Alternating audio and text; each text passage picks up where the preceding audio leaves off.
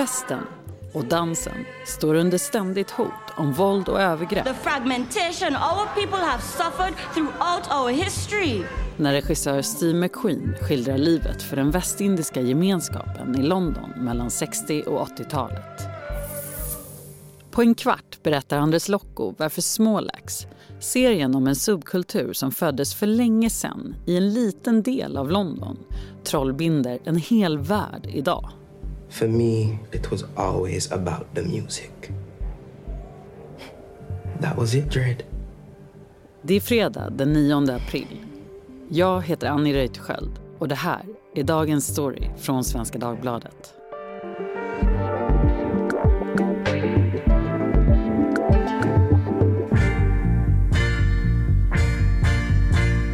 Andres Locco är kritiker och krönikör och har jobbat för Svenskan. Hur många år är det nu som du har skrivit för oss? Ja, jag måste ha skrivit mina första texter väldigt tidigt 90-tal. Och sen har jag varit hyfsat lojal ända sedan dess. Mm. Så att med andra ord i, i 30 år. Och en stor del av den tiden så har du ju också bott i det område vi ska prata om idag, eller hur? Ja,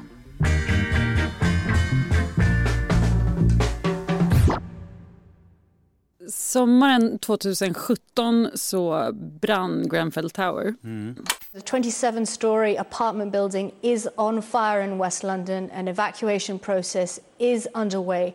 40 fire trucks, 200 firefighters are on the scene. Kan du berätta om vad du minns från den tiden? Alltså Grenfell Tower är ju ett kommunalt hyreshus 27-28 våningar högt var det som ligger mitt i ett svårdefinierbart område. Man sa i nyheterna att det ligger mitt i, i Notting Hill. The fire brigade are on their way. Are you outside? Yeah, yeah, I'm outside. Right, okay. Quick, quick, quick, quick. They're on their It's way burning. already. Yes, I know it's burning, but they are on their way. Jag var där väldigt kort tid efteråt. Det var verkligen bara ett kolsvart betongskelett kvar. Det var skitläskigt. Mycket också beroende på att det såg ut som om det fanns en baktanke med detta. Alltså verkligen, det var den känslan man fick när man såg det. Att här borde en sämre klass av människor. De är inte lika viktiga. Det var den känslan man fick på en gång av detta.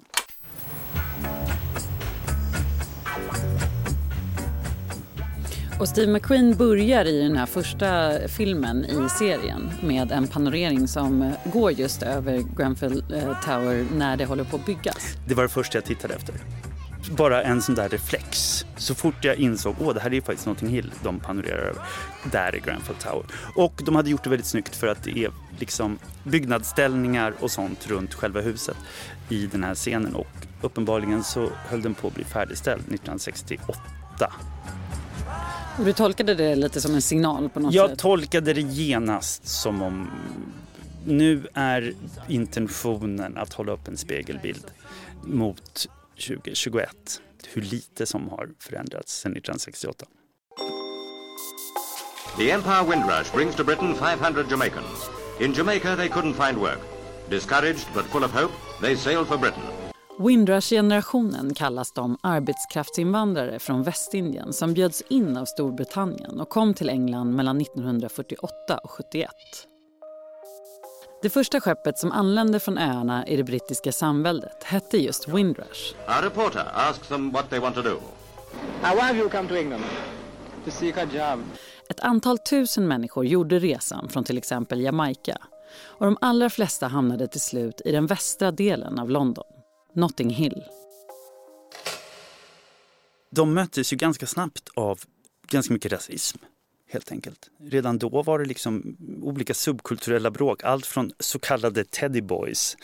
Eh, förenklat kan vi ju kalla dem för, för Englands raggare, ungefär. Och det fanns liksom högerextremistiska enklaver som åkte bokstavligen till Notting Hill för att spöa svarta västindier. Do I have to spell it out? No, I understand enough. I met many other slur constable. What did you just call me? I call you constable, maybe as an officer now. I'll arrest you right now, you black bastard. Arrest me for what? Men det här området, hela Notting Hill, var väldigt mycket av en frizon för karibisk kultur. Och Ladbroke Grove blev liksom en symbol, inte bara för det, utan liksom alla former av så counterculture och motkultur.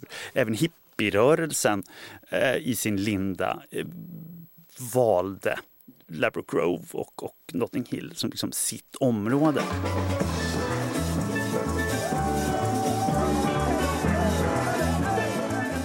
Eh, mycket av det här har ju varit liksom det som har varit attraktivt Oavsett var du har bott så har du vallfärdat till liksom reggaebutikerna, funkklubbarna, soulklubbarna, konserterna, marknaderna, maten, klädbutikerna. Så den liksom kulturella impacten som den karibiska och den svarta kulturen har haft på brittisk allt som är kul med England tänkte jag säga, mm. är nästan helt och hållet just från, från de här kvarteren. Finns de kvar här idag? Eh, alla, det är lite sorgligt. För under, under tiden jag bodde där så då skedde ju sig också sådana saker som liksom, eh, skivaffärsdöden av andra anledningar. Liksom. Men jag märkte nog verkligen att för varje år som gick så, så blev liksom den, den karibiska communityn mindre och mindre och mindre för att det blev för dyrt. Så det kändes som de verkligen blev undanskuffade längre och längre mot nordväst. Och det är där, om man är intresserad av dagens motsvarigheter till liksom reggae och lovers rock, eh, all dancehall och brittisk grime, så får man just ta sig ganska långt nordväst från Notting Hill. För där är de scenerna idag.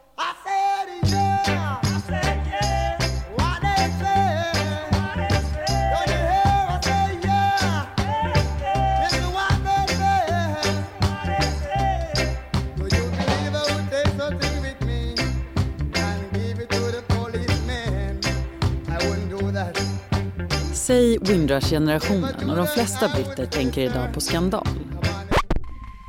I feel more than betrayed because we was invited here. We didn't come. Our parents was invited here to come here.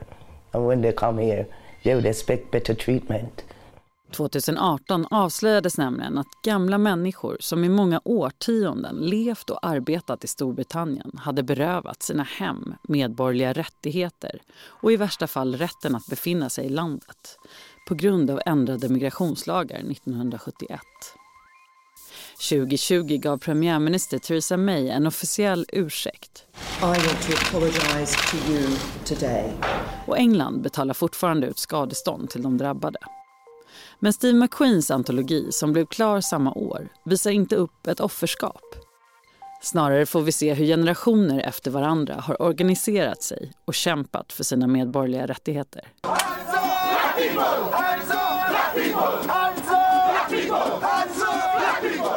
Det som är så effektivt att berätta det här genom musik framför allt, men även liksom mode och, och mat och litteratur så är det att man kan göra det så kaxigt för att musiken är rent objektivt, den är så bra.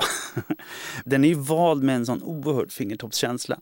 Det må ibland inte verka så och då är den det som mest. men det, den musiken har haft en enorm impact men även vi som är intresserade av dem har, har varit ganska dåliga på att skilja den brittiska svarta musiken från dess rötter på Jamaica i det här fallet. Vi har liksom dragit dem över en kam. Men det är två väldigt väsensskilda uttryck. Vi tycker att det här är ju coolt. Wow, kommer det här härifrån? Nu kanske jag gör mig liksom dummare än vad jag är för att jag kan det här ämnet. Men det finns en enorm pedagogik i att det är så mycket musik och att konstant påpeka det här är våran musik. Det här har vi uppfunnit.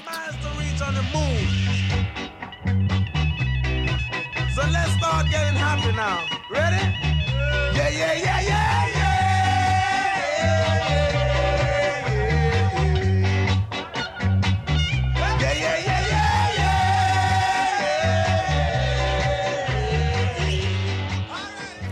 Precis, man, man går ju nästan in i en så här fest-eufori. Men det finns ju i alla de här filmerna också ett hot om någonting väldigt uh, obehagligt. Antingen om det är rasism eller någonting annat. Uh, hur mycket betyder det att det är just Steve McQueen som har regisserat det här? Hade någon annan kunnat göra det här? Alltså ja, det finns väldigt många andra regissörer och, och manusförfattare och så här, som hade kunnat göra någonting snarlikt. Men det hade aldrig haft samma impact.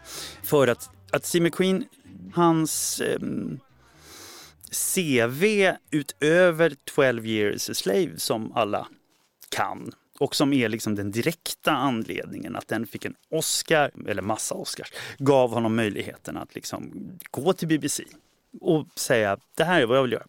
Nu åker vi. Och de hade liksom inget val. Det är klart, du får göra vad du vill. Och det var det här han ville göra. Och det är något jättefint och väldigt vackert i, i att det här var drömmen. Steve McQueen började jobba på sitt epos över 60-, 70 och 80-talets London redan för tio år sedan.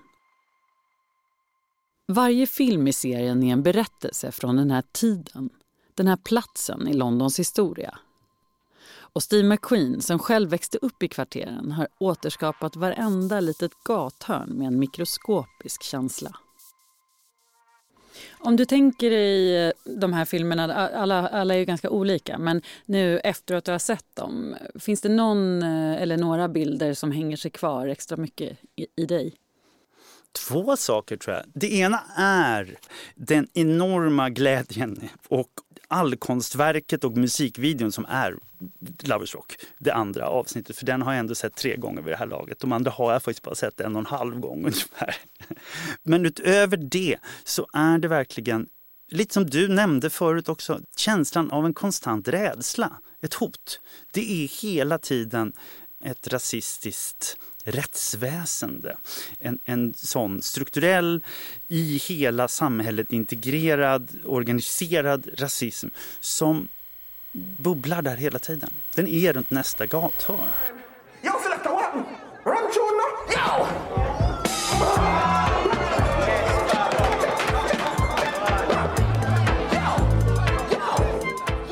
Det är mer än någonting i handlingen eller enskilda porträtt så är det den vibben, den skräcken som tror jag är det som jag upplever nu i efterhand. Eh, även liksom en månad efter att jag tittade på, på hela serien eh, så, så är det det som går fram på ett sätt som jag har känt till sen jag faktiskt minns liksom upploppen i Brixton 1981. Men vad Small Axe gör väldigt effektivt är att få en sån som mig att eh, känna hela den gemenskapens konstanta rädslor. Everybody was still shocked when we get the cold facts about that brutal attack when we find out about the fire over New Cross. Jag, jag tänker också att det kanske det är väl ingen slump att, det, att den kommer nu, som du pratar om med Black Lives Matter-rörelsen. Uh, är det liksom en europeisk pandang till att uh, börja lyfta upp? Uh... Jo men det är klart att det, det är ju, det finns ju en oerhörd logik i att de här filmerna kommer samtidigt som Brexit. Samtidigt som vi precis har genomlidit fyra år med, med Trump. Black Lives Matter, George Floyd och så vidare. Det är liksom, man kan tycka, åh varför har de inte gjorts tidigare? Mm. Men eh, konst föds ur liksom någon form av motreaktion. Så det finns en väldig logik i att det här är en del av Black Lives Matter. Into a morning of sorrow. Who turned the jollity into a ugly tragedy? First the coming and the going in and out of the party The dubbing and the rubbing and the rocking to the rhythm the dancing Och and the musiken i hela den här serien, ser du den som en motståndsrörelse i sig? Både ja och nej. Jag tror att det viktigaste med Lovers Rock-avsnittet till exempel som är så oerhört eh, byggt på vad musiken betyder. Så är, musiken är ju liksom ett soundtrack till allting. Den är inte nödvändigtvis politisk. Det är partmusik. Mm. Vi är på en fest vi, vi ser kanske ibland också politik där det inte finns någon politik. Mm. Det är Janet Cale som sjunger en kärleksballad. Det är Cissi Sledge, det är disco. Det är ju inte bara reggae, det, är inte bara, liksom, det finns något väldigt coolt. Det här är en nördig observation men de låtarna i filmerna som, som står ut mest är med den väldigt kritvite country easy listening artisten Jim Reeves. Det är flera låtar med Jim Reeves. Väldigt, väldigt stor på Jamaica. Vilket är väldigt oväntat och samtidigt vet man detta så blir det väldigt, väldigt coolt och snyggt. Så det är någonting, musiken illustrerar liksom alla delar av, av livet överhuvudtaget. Tack Andres Locko för att du kom hit. Tack snälla för att jag fick.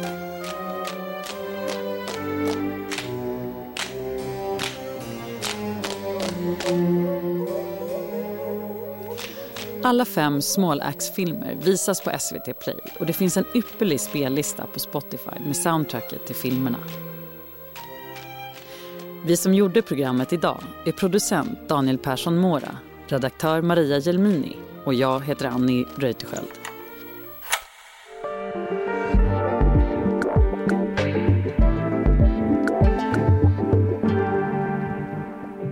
Dagens story från Svenska Dagbladet. Ett ämne, 15 minuter varje vardag.